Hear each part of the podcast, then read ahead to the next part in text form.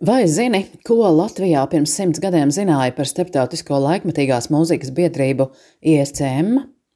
Valsts pētījuma programmas kārta ietveros pēta mūzikas modernisma lomu Latvijā Pirmās brīvvalsts laikā. Sākot ar dibināšanas brīdi 1922. gadā, modernās mūzikas likteņos visā pasaulē arvien lielāka loma bija starptautiskajai laikmatīgās mūzikas biedrībai ISCM, kuras nozīmīgākā iniciatīva līdz pat šodienai ir ikgadējs starptautisks laikmatīgās mūzikas festivāls. Latvija ISCM iestājās 2004. gadā, Igaunija 2005. gadā. Lietuva gan kļuva par ISCM biedri jau 1936. gadā. Šodien viens otrs reizēm pakurna par to, ka lūk 20. gados mūsu komponisti negāja kopsolī ar pašām modernākajām laikmeta tendencēm un neiestājās ISCM jau toreiz. Varētu jautāt, vai Latvijā tolaik vispār zināja, kas tas ISCM tāds ir? Izrādās 20. un 30. gadu periodikā ISCM nosaukums tulkots dažādi. Gan starptautiskā jaunlaika mūzikas biedrība, gan šolaika mūzikas biedrība, gan modernās mūzikas biedrība un pat savienība tagadnes mūzikai. Tas vien jau liecina par ISCM tolaik runāts un rakstīts gana daudz. 1923. gada rudenī par pašu pirmo ISCM festivālu Zaldzburgā četros numuros raksta avīze Mūzikas nedēļa.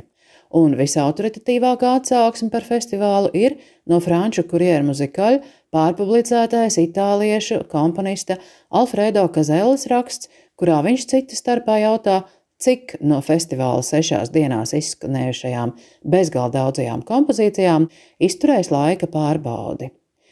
Starp citu, Itālijas ISCM nodaļas dibinātājs Alfredo Kazella 1926. gadā pats personīgi ieradās Rīgā, lai muzicētu gan solo koncertā konservatorijā, gan arī Nacionālās operas simfoniskajā koncertā, spēlēdams solo savā partitā. Un Kazella nebūtu nav vienīgais Rīgas viesis, kam bijusi būtiska loma ISCM. Vairāk kārt Rīgā viesojušies un muzicējuši arī ISCM polijas nodaļas dibinātāji diriģents Gžegošs Fitelbergs un komponists Karols Šimanovskis, un arī viens no Lietuvas nodaļas dibinātājiem Vītauts Bacevičs. Bet vai varam atrast kādu liecību par mūsu pašu komponistu interesi par ISCM? Izrādās pats pirmais pamudinājums pievienoties šai organizācijai izteikts nevis kādā mūzikas izdevumā, bet gan Latvijas vēstnesī, 1923. gadā, vienu nedēļu pēc tam, kad izskanējis pats pirmais ISCM festivāls Zaldzburgā. Citēju: Latvijiem vajadzētu nopietni padomāt par turpmākiem Zaldzburgas svētkiem, stāties sakaros ar Starptautisko jaunlaiku mūzikas biedrību, sastādīt programmu un izvēlēties pāris solistus. Tā pašķirtos ceļš mūsu mūzikai uz ārzemēm. Ko lai saka, tik vienkārši gan tas laikam nebūtu sanācis. Bija organizācijas statūti, bija nosacījumi uzņemšanai, tostarp reāli centieni un darbi tieši visjaunākās un nereti arī visradikālākās mūzikas popularizēšanas labā. Bet Latvijā komponisti tik šauru specializāciju tobrīd gluži vienkārši nevarēja atļauties, jo viņiem bija no pašiem pamatiem jābūvē pilnīgi visa mūsu mūzikas dzīves ēka, un šai milzu būvlaukumā, kāda toreiz bija Latvijas mūzikas dzīve, Netrūka nec pedagoģisku, nec organizatorisku uzdevumu, jaunradi nereti atstājot otrajā plānā. Tomēr 1924. gadā uz ISCM Prāgas mūzikas svētkiem dodas Jānis Zālītis un Jēkabs Vītoliņš.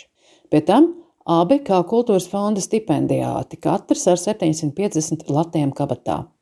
Varbūt šo ceļojumu drīkstam uzskatīt par ko vairāk nekā tikai žurnālistisku komandējumu. Varbūt viņi uz Prāgu devās skaņraža kopas deleģēti, lai izvērtētu iespējas iestāties ISCM. Apliecinājumu šādai hipotēzei man gan nav izdevies atrast. Tomēr varam lasīt brīnišķīgas un ļoti kompetentas Prāgā pieredzētā recenzijas, kuras tobrīd vien 26 gadus vecais Jēkabs Vitoļņš publicēja mēneša rakstā Ritums, bet nedaudz vecākais Jānis Zālītis pat četros turpinājumos jaunākajās ziņās. Par 1924. gada ISCM festivālam veltīto zālīšu publikāciju kopsaucēju šķiet varētu kalpot Aleksandra Cemlinska Liriskajai simfonijai veltītie vārdi, citēju: Atpakaļ uz vienkāršību, uz pirmotnēji naivo, nacionāli individuālo, lūk, kur praugās pārgurušo moderno simfoniķu skats. Masīvais, grandiozais stils pamazām reducējas. Māksla sāk atgūt vienkāršību, skaidrību, īstenību. Par to arī lai esam mūžam nomodā. thank you